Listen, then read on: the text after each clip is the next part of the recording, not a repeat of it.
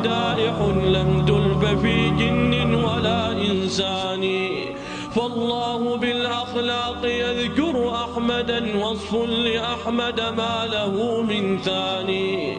يا سيد السادات يا عثمان ترى أمر محمد في صعود وأمر قريش في نزول.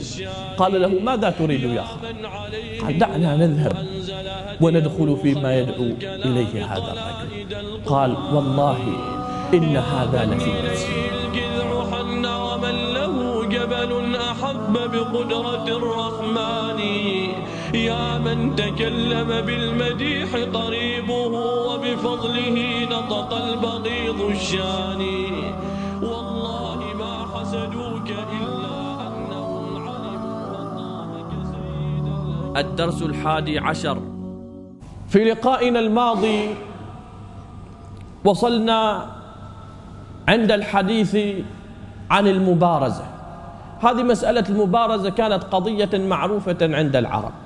قبل ما يبدأ القتال يخرج واحد من هذا الفريق وواحد من الفريق الآخر أو أكثر من ذلك. هذا قبل القتال وهي جولة أولى. هذا الذي وقع. خرج عتبة بن ربيعة وأخوه شيبة بن ربيعة وولده الوليد بن عتبة. خرجوا في صف واحد. من اليمين شيبة ومن اليسار ولده عتبة وهو بينهما. فتقدم حتى انفصل عن الصف لأن الجيوش تكون في صفوف. تقدم الثلاثة حتى انفصلوا عن الصف. وبعد الانفصال عن الصف تقدم أيضا عتبة بن ربيعة وقال نريد أكفاءنا. يخرج لنا أكفاؤنا يقاتلوننا. فخرج ثلاثة من الأنصار. وهم عوف ومعاذ بن عفراء وعبد الله بن رواحة خرج الثلاثة. فقال عتبة بن ربيعة من القوم؟ من أنتم؟ هذه مسألة عظيمة. يخرج كبار القواد ويخرج لهم كبار القواد. من أنتم؟ قالوا رهط من الأنصار. قال أكفاء أنتم أكفاء. ماشي كلام في هذه القضية. ولكن نريد أكفاءنا من بني عمنا. نبغى حد يخرجنا من قريش. نريد أكفاءنا من بني عمنا. فسمع النبي صلى الله عليه وسلم مقالتهم أو مقالة عتبة فأمر النبي صلى الله عليه وسلم ثلاثة من أقرب المقربين إليه أن يخرجوا إليهم. فأمر عبيدة قال لعبيدة بن الحارث بن عبد المطلب وهو ابن عم النبي صلى الله عليه وسلم قم يا عبيدة. وقال لعمه حمزة قم يا حمزة. وقال لابن عمه علي بن أبي طالب قم يا علي. فقام الثلاثة فتقدموا. فقال عتبة مرة أخرى من القوم؟ فقال عبيدة أنا عبيدة بن الحارث. وقال حمزة أنا حمزة بن عبد المطلب. وقال علي أنا علي بن أبي طالب. فقال أكفاء هؤلاء الذين نريد. ما الذي وقع؟ أكبر هؤلاء الثلاثة من أصحاب النبي صلى الله عليه وسلم هو ابن عمه عبيدة بن الحارث. فعبيدة كان أكبر سنا من النبي صلى الله عليه وسلم وكان أكبر سنا من حمزة بن عبد المطلب لأن حمزة بن عبد المطلب والنبي صلى الله عليه وسلم في سن واحدة. فحمزة بن عبد المطلب كان أخا للنبي صلى الله عليه وسلم من الرضاء وعلي بن أبي طالب عبيد بن الحارث وقف في وجه عتبة. الأكبر مع الأكبر. وحمزة بن عبد المطلب وقف في وجه شيبة وهو أصغر من عتبة. وعلي بن أبي طالب وقف في وجه الولد أيضا في وجه ولدهم وهو الوليد بن عتبة. بدأ القتال بين الفريقين. لحظات يسيرة فقط وقضى حمزة بن عبد المطلب على شيبة قتله. يعني القتال وقع في لحظات ليست بالكثير. وعلي بن أبي طالب أيضا عاجل صاحبه وهو الوليد بن عتبة فقتله. لكن ما الذي وقع بين عبيدة وعتبة؟ وقع تخالف في الضربات في وقت واحد. يعني الضربة لم تأتي في سيف هذا ولا في سيف هذا. وقع تخالف في الضربات. فجاءت ضربة في جسد عبيدة وجاءت ضربة عبيدة أيضا في جسد عتبة بن أبي ربيعة فسقطا في الأرض. عاد آه، حمزة بن عبد المطلب علي بن أبي طالب مخلصين شغلهم. قالوا نصير نعاون ربيعنا. فانقض كالنسور على عتبة فقتلاه وسحبا صاحبهما. وذهبا به إلى العريش الذي كان قد بني للنبي صلى الله عليه وسلم. فجعل النبي صلى الله عليه وسلم رأس عبيدة في حجره طبعا مات في وقت المعركة. عبيدة رضوان الله عليه مات في وقت المعركة فحزن النبي صلى الله عليه وسلم عليه حزنا عظيما. هذه هي الجولة الأولى وكما ترون الجولة الأولى كانت في صالح من؟ في صالح المسلمين. وقع التقدم من الفريقين. تقدم المسلمون وتقدم المشركون. فوجه النبي صلى الله عليه وسلم أوامره للمؤمنين ألا يبدأوا القتال حتى يأمرهم. ما تبديوهم لا تبدأوا بهم النبي صلى الله عليه وسلم إلى آخر لحظة كان يريد أن يحقن الدماء. لا تبدأوهم حتى يبدأوكم. فإن اكتنفوكم لأن العدد كبير. أحاطوا بكم فانضحوهم عنكم بالنبال أرموهم بالنبال لأن الرمي بالنبال يفرقهم. ثم إن النبي صلى الله عليه وسلم بقي في عريشه وهو يناشد الله تبارك وتعالى. يسأل الله تبارك وتعالى النصر. المعركة إلى الآن لم تبدأ. قبل المعركة خرج النبي صلى الله عليه وسلم يصف أصحابه. يجعلهم في صفوف ويرتبهم. وكان في يد النبي صلى الله عليه وسلم عود عود صغير. فكان النبي صلى الله عليه وسلم يمر بهم بحيث يكونون في صف واحد. أحد صحابة النبي صلى الله عليه وسلم وهو سواد بن غزية رضي الله عنه كان خارج عن الصف قليلا متقدم. فقال له النبي صلى الله عليه وسلم استوي يا سواد. استوي يا سواد.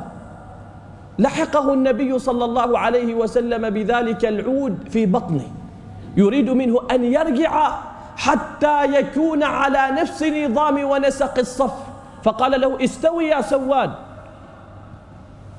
لما وقع هذا الأمر قال سواد أوجعتني يا رسول الله. هذه الضربة التي ضربتني إياها أوجعتني. طبعا هو شيء يسير. أوجعتني يا رسول الله. فقال له النبي صلى الله عليه وسلم اقتد. مقبلين على ما اقتد. ما معنى اقتد؟ يعني خذ حقك. افعل بي كما فعلت بك. هذا معنى اقتد. يعني أي عدل أعظم من هذا العدل؟ الذي كان يؤسس بنيانه النبي صلى الله عليه وسلم. قال له اقتل فرفع النبي صلى الله عليه وسلم ثوبه عن بطنه ليقتاد سواد والصحابة رضوان الله عليهم ينظرون إلى الموقف وهم في غاية العجب. ممن يعجبون؟ يعجبون من سواد أم يعجبون الذي تجرأ هذه الجراءة؟ أم يعجبون من النبي صلى الله عليه وسلم الذي استجاب له هذه الاستجابة؟ فرفع ثوبه عن بطنه ليقتاد سواد فما كان من سواد إلا أن تقرب من النبي صلى الله عليه وسلم والتزمه احتضن النبي صلى الله عليه وسلم وقبل النبي صلى الله عليه وسلم فقال له النبي صلى الله عليه وسلم يا سواد لما فعلت ما فعلت؟ فقال للنبي صلى الله عليه وسلم ترى الأمر الذي نحن فيه. هذه حالة عظيمة التي سواد يحيا ما يحيا لا ندري. ترى الأمر الذي فأردت أن يكون آخر عهدي بك يا رسول الله. يلامس جسدي جسدك. فدعا له النبي صلى الله عليه وسلم بخير وهذا الذي وقع. ذلك اليوم كان آخر يوم من حياة سواد رضي الله تبارك وتعالى عنه وأرضاه. دخل النبي صلى الله عليه وسلم العريش الذي أسس له. وكان معه أبو بكر الصديق رضوان الله تبارك وتعالى عليه. ويحرسهم سعد بن معاذ ومعه جماعة من الأنصار فأخذ النبي صلى الله عليه وسلم يدعو ويلح في الدعاء على الله تبارك وتعالى. اللهم إن تهلك هذه العصابة لا تعبد بعد ذلك في الأرض. يلح على الله تبارك وتعالى في الدعاء.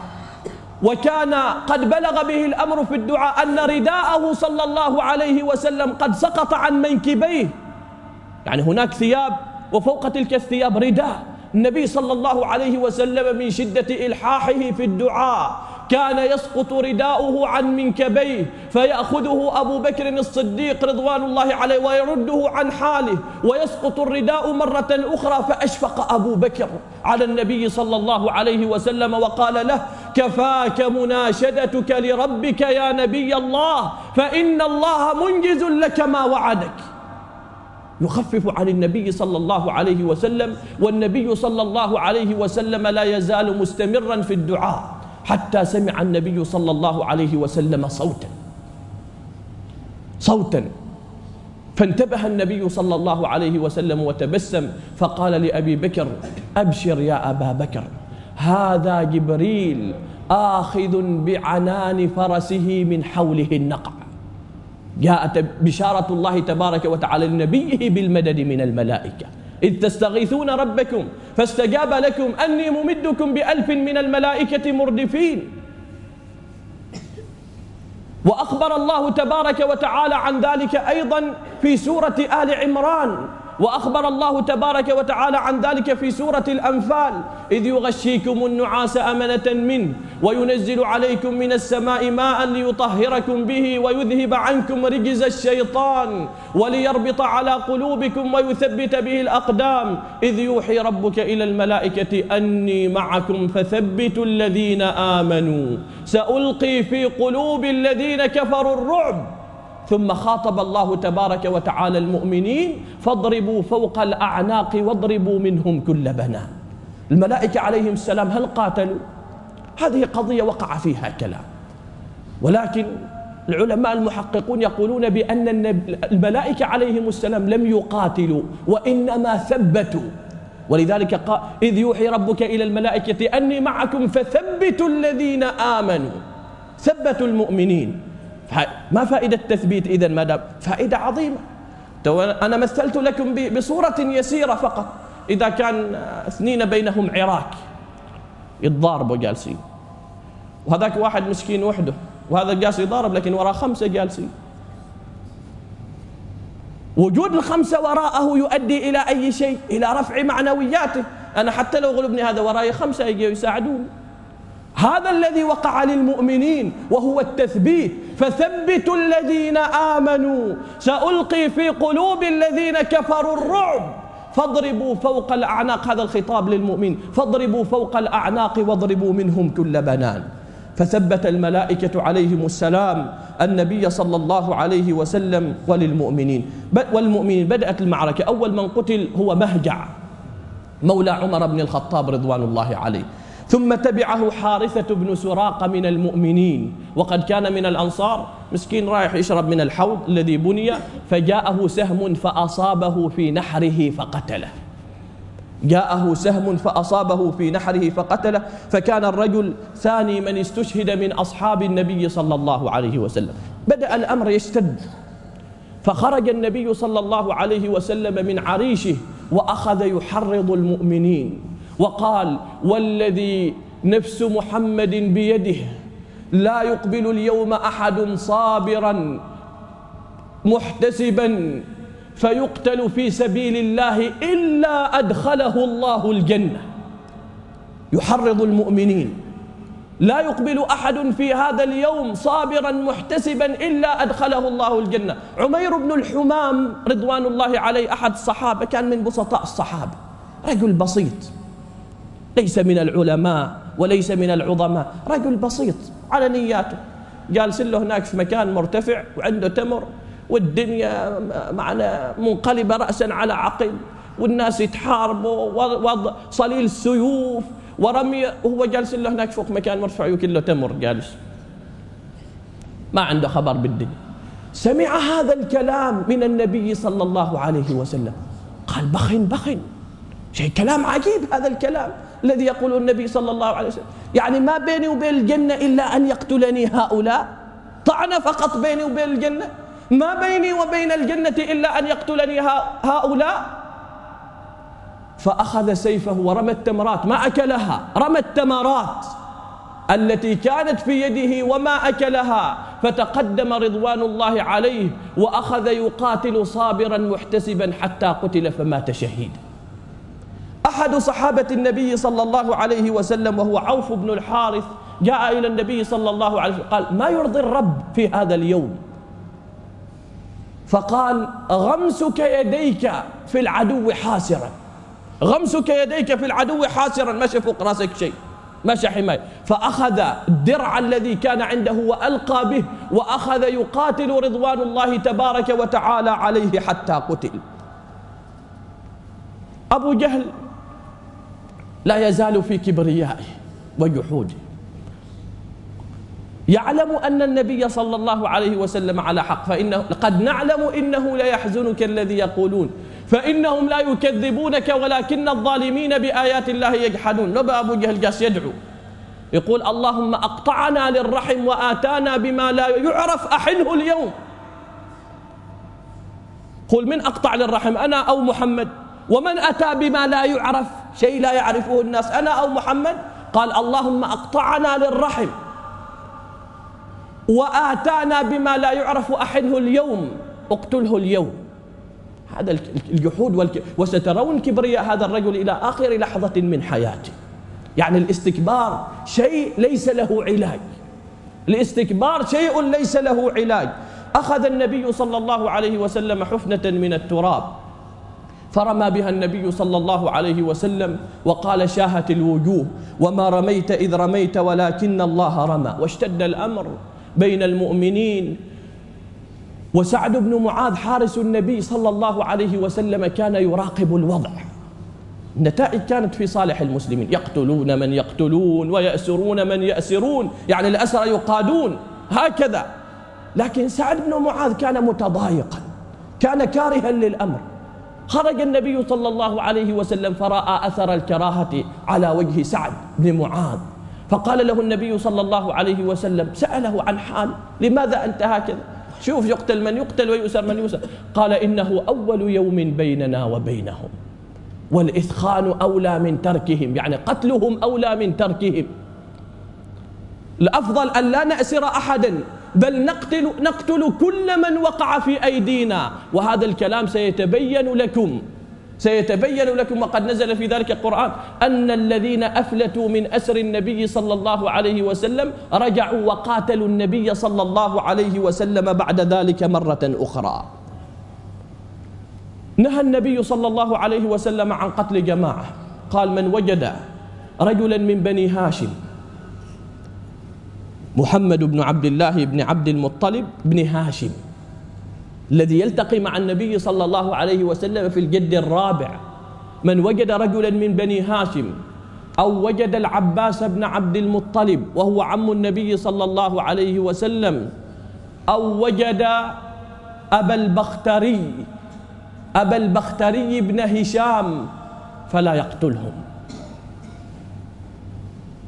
قال لأن بني هاشم خرجوا مكرهين والدليل بأنه طالب بن أبي طالب رجع من الطريق خرجوا مكرهين والنبي صلى الله عليه وسلم لعله كان يعرف أن هؤلاء كان قد جعلهم النبي صلى الله عليه وسلم في مهمات في مكة المكرم مهمات في مكة وجعلهم بين الجيوش أيضا في مهمات ولذلك نهاهم النبي صلى الله عليه وسلم عن قتل أحد من بني هاشم أو قتل العباس بن عبد المطلب على وجه الخصوص أو قتل أبا البختري أبي البختري بن هشام واسمه العاص.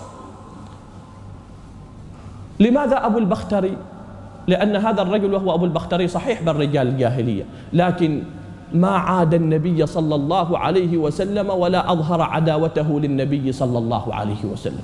وكان عندما يجتمع الناس على النبي صلى الله عليه وسلم يخلص النبي صلى الله عليه وسلم منهم. والصحيفة وهي صحيفة المقاطعة التي دامت ثلاث سنوات. من نقضها؟ هذا أحد من نقضها. ولذلك قال لهم النبي صلى الله عليه وسلم إكراما لهذا الرجل. يعني ما معناته يتركه يأسره ما يقتله لكن يأسره إكراما لهذا الرجل. أمر نهاهم النبي صلى الله عليه وسلم عن قتله أحد الصحابة وهو أبو حذيفة رضوان الله عليه يوم سمع هذا الكلام تعجل. فألقى كلمة. قال نقتل آباءنا وأعمامنا وإخواننا ونترك العباس بن عبد المطلب. والله لئن ظفرت به لأقطعن عنقه. طلعت الكلمة. ووصلت إلى النبي صلى الله عليه وسلم فغضب النبي صلى الله عليه وسلم. ما, ما نقول غضب ولكن النبي صلى الله عليه وسلم أخذ في نفسه. النبي صلى الله عليه وسلم يوحى إليه.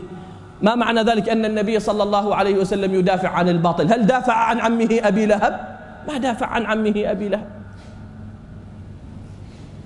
وقال لعمر هذا الذي يقوله أبو حذيفة. عمر بن الخطاب رجل شديد قال يا رسول الله دعني أضرب عنق هذا المنافق. فأمره النبي صلى الله عليه وسلم أن يترك. أبو حذيفة رضوان الله عليه قال ما والله ما أنا بآمن من تلك الكلمة. أخاف عقاب الله من تلك الكلمة. انظروا إلى الخوف. والله ما أنا بآمن من عقوبة الله. ولا أرى شيئا يطهرني إلا الشهادة. هذه الكلمة العظيمة يقول أنا ما آمن من عقوبة الله بسبب هذه الكلمة التي قلتها بعد كلمة النبي صلى الله عليه وسلم. ولا, أن ولا أرى أن يطهرني شيء إلا الشهادة. فواصل جهاده واستشهد رضي الله تبارك وتعالى عنه وأرضاه في معركة اليمامة. مات شهيدا بعد النبي صلى الله عليه وسلم. أبو البختري ما الذي وقع له؟ أبو البختري قتل. مع أن النبي صلى الله عليه وسلم نهى عن قتله. لكن الصحابة مأمورون بأسره. أبو البختري له زميل. أبو البختري له زميل اسمه جنادة. ما المقصود زميل؟ يعني زميل هذه الكلمة بالاستعمال وإحنا نستعملها تو يعني صديق أو صاحب. زميل مرادف في الناقة. جايب لنا من هناك من مكة. إلى هنا. مركبين بها في الناقة متبرع. عنده زميل. وكان يمشي هو وزميله. عاد خلاص منتهية الأمور. والمعركة معنا في صالح المسلمين. ولذلك النبي صلى الله عليه وسلم خرج من المدينة أيضا إلى بدر. هل كانت له ناقة مستقلة؟ لا. النبي صلى الله عليه وسلم ناقة التي كان يركبها النبي صلى الله عليه وسلم يشاركه فيها اثنان. أبو لبابة وعلي بن أبي طالب. بالدور. يركب النبي صلى الله عليه وسلم. يدور علي بن أبي طالب يركب علي والنبي يمشي وصاحبه. دور أبي لبابة يركب أبو لبابة والنبي وعلي يمشيان يوم يجي آه، دور دورهم يقول للنبي صلى الله عليه وسلم ابقى إحنا نمشي. فقال النبي صلى الله عليه وسلم ما أنتما بأقدر مني على المشي؟ وما أنا بأغنى عن الأجر منكما. أنا أريد أجر كما أنتم تريدون أجرا. لست غنيا عن الأجر. فترك النبي صلى الله عليه وسلم وحاله واستمر الأمر على هذا الأمر. أبو لبابة بعد ما استوت هذه المسألة خلاص ما شب ما شب ما شب عير معهم. خلاص البعير انتهى عاد يمشي برقوا لهم انتهى المعركة ما باقي لهم شيء. وماسكين بعدهم. من يديه. مجعول يعني أجله على بسبب هذا الرجل. لقيه المجذر بن ذياد بالذال البلوي رضي الله عنه. يوم شافه قال له رآه قال له الرسول نهانا عن قتلك. لكن تعال نأسرك. زميله مع زميله متقبض قال له هذا ما منهاين عن قتله. بس انت منهاين عن قتلك أنت. قال لا عب ما يستوي لنا. خليه يغيب. قال أنا ما يستوي. كيف ما يستوي؟ له قال هناك يوصل الخبر عند النساء في نساء قريش ويقال فلان طلق حال زميله ويدور يتحكى له. بعد ما معهن شغل 24 ساعة وأبو البختري وأبو البختري وهذا أبو يقول شجاع وذا أبو يقول زعيم وذا قال لا ما تركه. يا إنسان تركه؟ قال لا ما تركه ما يستوي لي. ودافع عن ماذا يفعل المجذر؟ قتله. قتل أبا البختري وقتل زميله وهو جناد. قتلهما. فجاء إلى النبي صلى الله عليه وسلم وأخبره بالخبر واعتذر قال هذا الذي وقع. قلنا له أنت منهاي عن قتلك قال لا ما يستوي لي. ما يستوي. هذا الإنسان أطلق لي. أما نموت باثنينتنا أما نبقى باثنينتنا يعني المعركة لا تزال قائمة. وهو مأمور بأسره. فمات أبو البختري واسمه العاص. مات في في هذه المعركة. مات كافرا. والعياذ بالله تبارك وتعالى. أمية بن خلف. أمية بن خلف مبونا ما يب... الأصل أن أمية بن خلف كما ذكرت لكم مبونا ما يريد يخرج للقتال. يوم استوى القتال واستوى النداء للخروج إلى ملاقاة النبي صلى الله عليه وسلم أمية بن خلف بقي في بيته لم يخرج. أمية بن خلف. يشوف الصفوف ويشوف الناس هنا أمية بن خلف ما موجود. هذا أمية بن خلف إن بقي بقي وراءه جماعة كبيرة. راح للشيطان عقبة بن أبي معيط وشال بها مجمر. يوم دخل عليه قال تعال تعال بخرك. كيف تبخرني؟ قال تعال بخرك أنت صايت لست من الرجال من النساء. قال له قاتلك الله. وعاد خرج استحيا وخرج. وخرج معه ولده علي بن أمية.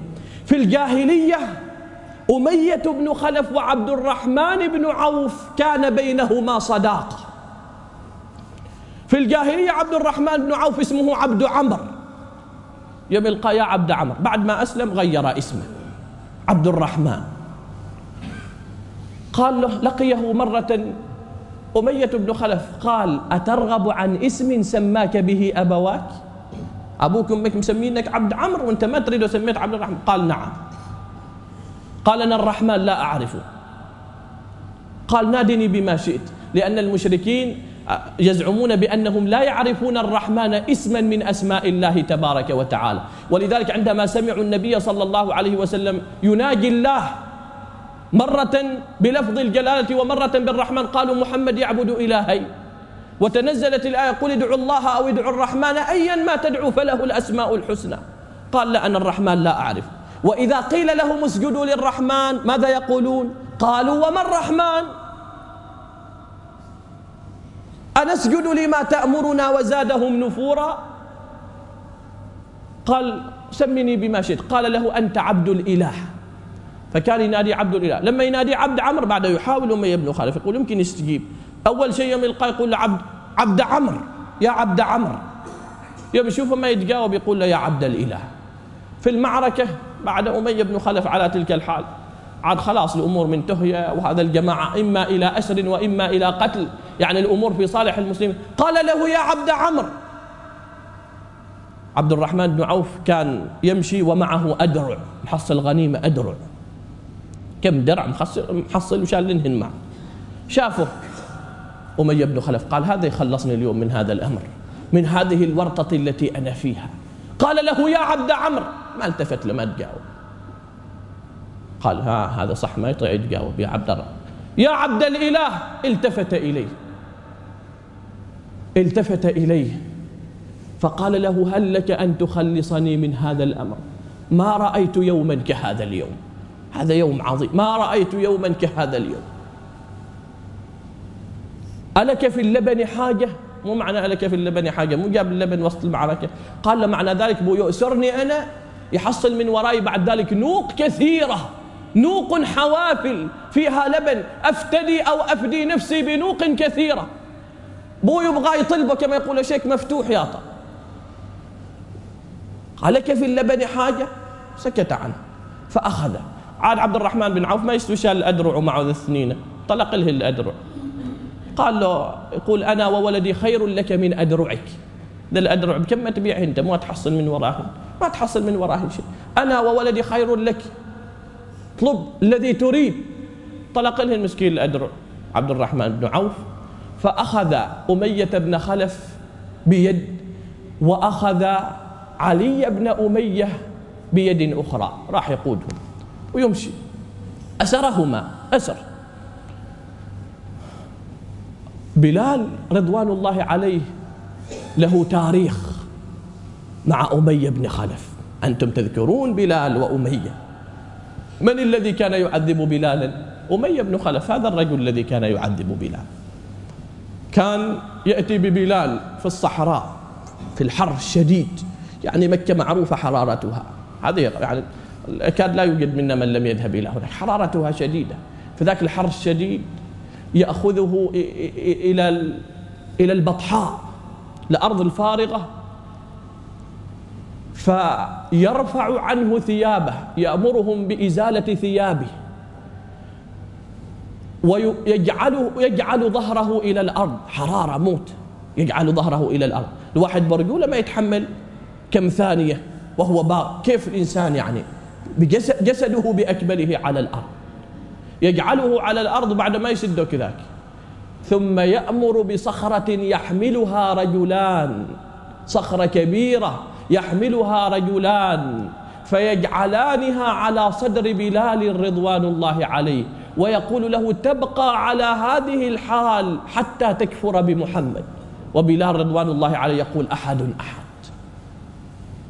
ولذلك لما رآه بلال رضوان الله عليه قال عدو الله أمية بن خلف لا أحيا إن حي أما أنا أموت وأما هو. لا أحيا إن حي. يقول عبد الرحمن بن عوف دع لي أسيري يا بلال. أسيران عندي دع لي أسيري. قال لا لا أحيا إن لا أحيا إن حيا.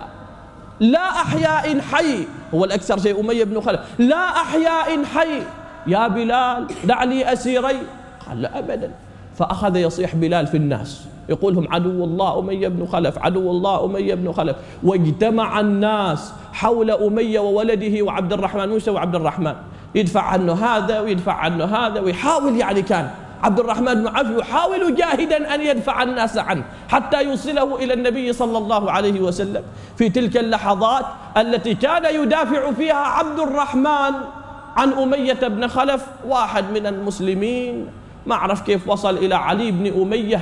فضربه في ساقه فقطعها فسقط على الأرض. بعد خلاص اجتمع. قال له عبد الرحمن بن عوف انجو بنفسك فخلاص الولد انتهى. انجو بنفسك قال ما ما فائدة الحياة بعده. ما فائدة الحياة بعده. فاجتمع حوله المسلمون وقتلوا قتلوا أمية وقتلوا ولده علي. لذلك عبد الرحمن بن عوف رضوان الله عليه عندما كان يلقى بلالا أو يذكر بلالا يقول رحم الله بلالا. ما أنا بأدرعي ولا ترك لي أسيري. عاد خسر الشيء. لا أنا بالأدرع وحصل من وراه كم درهم ولا أنا بالأسيرين رحم الله بلالا. ما أنا بأدرعي ولا أنا بأسيري. أبو جهل أخزاه الله قتل أيضا في هذه المعركة. وهذا الرجل كما ذكرت لكم استكباره عجيب هذا الرجل وهو أبو جهل. يعني حتى آخر لحظة كما سترون. أبو جهل كان هناك اثنان يلاحقان يلاحقان أبا جهل وقد سأل عنه عبد الله بن مسعود وهما معاذ بن عمرو ومعوذ بن عفراء. واحد جاي حال عبد الله بن مسعود من من ذي الجهة واحد من هذه الجهة. وقيل أتيا إلى عبد الرحمن بن عوف. يا عم أين أبو جهل؟ قال ذاك أبو جهل لكن أبو جهل ليس بالسهل أبو جهل قائد. يعني من من حيث الدرجة عند المشركين هو في درجة النبي صلى الله عليه وسلم. ما متروك كذاك بلا حراس؟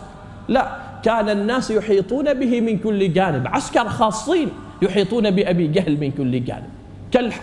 كالحلقة. أو كالحلقة حول أبي جهل. معاذ بن عمرو صمد لأبي جهل وبقي يتحين الفرصة. بقى طول المعركة يراقب أبا جهل. متى تكون هناك فرصة للقضاء عليه؟ فوجد فرصة. وجد فرصة فتقدم إلى أبي جهل فضربه في ساقه فقطعها. مباشرة يعني الساق انفصلت عن الرجل. يوم قطعها عكرمة بن أبي جهل وهو أيضا من فرسان العرب قام إلى معاذ فضربه في عاتقه فأطن يده وبقيت متعلقة بالجلد فقط. معاذ ضرب أبا جهل وقطع رجله قطع ساقه وسقط أبو جهل لكنه لم يمت لكن سقط أبو جهل. عكرمة بن أبي جهل عاجل معاذا فضربه بسيفه في عاتقه فأطن يده فبقيت متعلقة بالجلد فقط. يعني ما شعر خلاص العظام والأعصاب واللحم هذا كله منقطع بقي جلد وبقي يقاتل ويده على هذه الحال. بقي يقاتل رضوان الله عليه ويده على هذه الحال. طول النهار بقي يقاتل حتى أثقلته اليد. تو هذه اليد خلاص يعني منتهية من جهة أخرى تثقله. ولا يستطيع أن يربط الجرح. ماذا صنع؟ قال ما منها فائدة. فجعل رضوان الله عليه رجله على يده فقطع ذلك الجلد. يعني جعل اليد تحت رجله ثم قام. فانقطع ذلك الجلد ذلك الباقي. وحي رضوان الله عليه ومات في عصر عثمان بن عفان. هذا الرجل وهو معاذ بن عمرو مات في عهد عثمان بن عفان. هذا الذي وقع. لكن أبو جهل لم يمت لم يمت أبو جهل. تركه أصحابه. خلاص. ظنا منهم أن الرجل قد انتهى. فاشتغل خصوصا بعد ما اشتدت الأمور كل واحد كان قد اشتغل بنفسه. ثم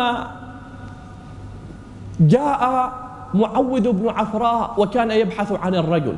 لما جاء وجد الرجل به رمق حي بعده فضربه أيضا.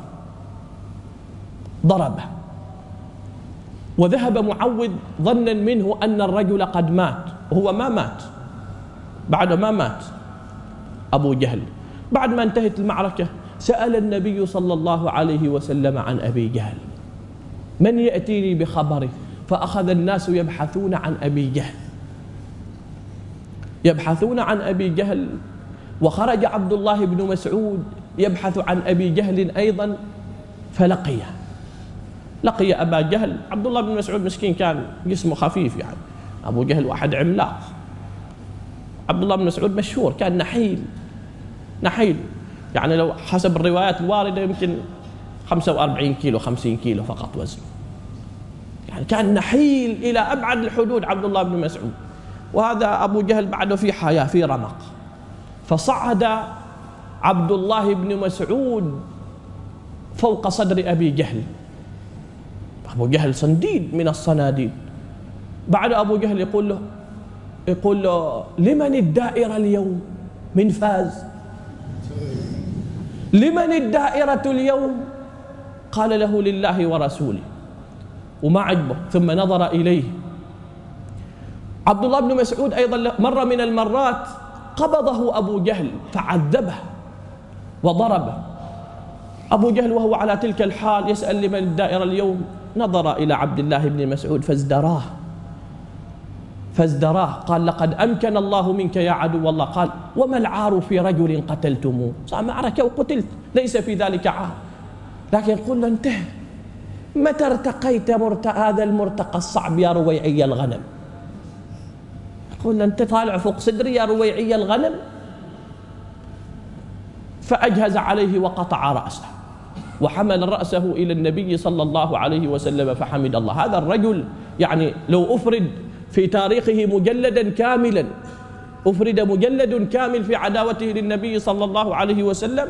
عداوته للنبي صلى الله عليه وسلم كانت شيئا عجبا. حتى أن النبي صلى الله عليه وسلم كان قد لقبه بفرعون بفرعون رسول الله. بفرعون رسول الله. عداوته للنبي صلى الله عليه وسلم كعداوة فرعون لموسى. نختم هذا اللقاء بخبر عكاشة. رضوان الله تبارك وتعالى عليه. عكاشة قاتل قتالا حتى تكسر سيفه فلم يكن له سيف. فجاء إلى النبي صلى الله عليه وسلم وهو على تلك الحال ليس معه سيف فأعطاه النبي صلى الله عليه وسلم خشبة. الرسول ما عنده سيف أعطاه خشبة قال خذها فقاتل بها. فلما أخذها في يده عادت سيفا. بقدرة الله. هذا معجزة للنبي صلى الله عليه وسلم. عادت سيفا فقاتل به وبقي يقاتل به حتى قتل رضوان الله عليه في حروب الردة. قتله طليحة الأسدي الذي كان قد ادعى النبوة بعد موت النبي صلى الله عليه وسلم. وهذا السيف اسمه العون. بقي آل عكاشة بعد ذلك يتوارثونه واحدا واحدا. هذا السيف العظيم الذي أعطاه النبي صلى الله عليه وسلم لعكاشة. عكاشة رضوان الله عليه مشهور عنه مثل سبقك به عكاشة أو عكاشة من حيث اللغة وجهان. سبقك به عكاشة. ما سبب هذه القصة؟ سبب هذه القصة أن النبي صلى الله عليه وسلم قال في مرة من المرات يدخل سبعون ألفا من أمتي الجنة كالقمر في ليلة البدر. فقال عكاشة يا رسول الله يا رسول الله اسأل الله لي أن أكون منهم هؤلاء السبعون. فقال النبي صلى الله عليه وسلم اللهم اجعله منهم. بعد فترة هكذا قام واحد من الأنصار. فقال يا رسول الله ادعو الله لي أن أكون منهم. فقال له النبي صلى الله عليه وسلم سبقك بها عكاشة وبردت الدعوة.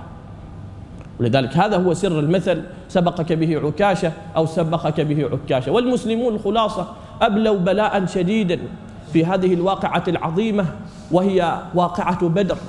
وكان النصر يعني كان الوعد تحقق الوعد للنبي صلى الله عليه وسلم ولأصحابه العظام. لأن الله تبارك وتعالى وعد نبيه صلى الله عليه وسلم إحدى الطائفتين إما العير وإما النفير. فتحقق ما وعد به النبي صلى الله عليه وسلم. سيأتي مزيد أخبار مزيد قصص حول هذه الغزوة العظيمة ولكن الخلاصة بأنه قتل سبعون من المشركين وأسر سبعون. فكان هذا النصر عظيما. النبي صلى الله عليه وسلم قال هذه فلذات قريش. هذه مكة قد رمت إليكم بفلذاتها أو قريش رمت إليكم بفلذاتها. هذا الذي وقع. يعني أولئك المعادون عداء عظيما للنبي صلى الله عليه وسلم قتلهم الله تبارك وتعالى في هذه الغزوة. يقول عبد الله بن مسعود في مكة المكرمة اشتد الإيذاء على النبي صلى الله عليه وسلم آذاه جماعة وكانوا سبعة. عظيم الإيذاء للنبي صلى الله عليه وسلم. وهم جماعة المستهزئين. وهم الذين نزل فيهم إن الذين أجرموا كانوا من الذين آمنوا يضحكون. وإذا مروا بهم يتغامزون. وإذا انقلبوا إلى أهلهم انقلبوا فكهين. وإذا رأوهم قالوا إن هؤلاء لضالون وما أرسلوا عليهم حافظين. فاليوم الذين آمنوا من الكفار يضحكون على الأرائك ينظرون هل ثوب الكفار ما كانوا يفعلون. طبعا هذه الصفات من اتصف بها في كل زمان ومكان كان داخلا معهم. هؤلاء السبعة اشتد إيذاؤهم على النبي صلى الله عليه وسلم فدعا عليهم. اللهم عليك بفلان. اللهم عليك بفلان. اللهم عليك بفلان. كانوا سبعة. قال عبد الله بن مسعود فرأيتهم قتلى جميعا يوم بدر الذين دعا عليهم النبي صلى الله عليه وسلم. وانظروا إلى الدعوة. تأخرت سنوات. يعني الإجابة تأخرت سنوات. وهذا هو النبي صلى الله عليه وسلم. كيف بغيرهم الناس؟ هناك ناس يدعون ويتعجلون الإجابة. يشترطون على الله تبارك وتعالى. الإنسان له يدعو. هذه الدعوة إما أن تجاب إن كان الإنسان صادقا في دعائه وإما أن يدفع بها عنه بلاء وإما أن تؤخر له الأجور ليلقاها يوم القيامة في يوم لا ينفع فيه مال ولا بنون إلا من أتى الله بقلب سليم. ولذلك إذا دعا أحدكم فلا يعجل هكذا قال النبي صلى الله عليه وسلم. فسماهم عبد الله بن مسعود سمى ستة ونسي السابع لكن الجميع قتلوا. الجميع قتلوا. وبعد هذه الغزوة وهي غزوة بدر وقعت فتوحات للمسلمين. بقي رأس من رؤوس الكفر. وقد أسلم بعد ذلك وهو أبو سفيان.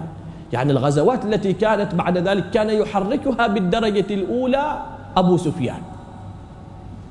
الذي أسلم بعد فتح مكة كما سيأتي الكلام عنه لكن الغزوات كلها كان يحركها بعد ذلك أبو سفيان. ولكن شاء الله تبارك وتعالى طبعا أبو سفيان ما كان في هذه الغزوة لأنه كان نجا بالعير لم يكن في هذه الغزوة. وهذه الغزوة لها نتائج ولها إيجابيات على النبي صلى الله عليه وسلم وعلى المؤمنين. نكتفي في هذا اللقاء بهذا القدر والأسرى أيضا لهم أخبار وطبعا ممن أسر من قرابة النبي صلى الله عليه وسلم كما يأتي عبد الله بن عباس الأسرى لهم أخبار ولهم قصص. وممن أسر أيضا من؟ صهر النبي صلى الله عليه وسلم وهو العاص بن أبي الربيع. زوج ابنته زينب زوج ابنته خرج مع المشركين يقاتل النبي صلى الله عليه وسلم. كان ممن أسر. والنبي صلى الله عليه وسلم وقعت قصة تلك القصة أحزنت النبي صلى الله عليه وسلم حتى بكى في شأن هذا الرجل وهو صهره نذكر تلك القصة وغيرها من الوقائع في لقائنا القادم. بمشيئة الله تعالى وتوفيقه. أيا قاصدا أرض النبي محمد؟ يجوب إليها فدفدا بعد فدفد إذا ما شممت الطيب من أرض طيبة وشاهدت قبر الهاشمي الممجد. فسلم على ذاك الضريح الذي حواه أجل نبي في الأنام وسيدي وقبل ثراه فهو مسك وعنبر بأنف ذليل خاشع متودد. وسلم على الزاكي أبي بكر الذي تقدم في التصديق كل موحد وصاحبه الفاروق ذي البأس والتقى أبي حفص المحمود في كل مشهد وبلغهم تسليم عبد مكبل بكبل المعاصي والذنوب مقيد وقل يا رسول الله جئتك زائرا فكن شافعا لي عند ربك في غدي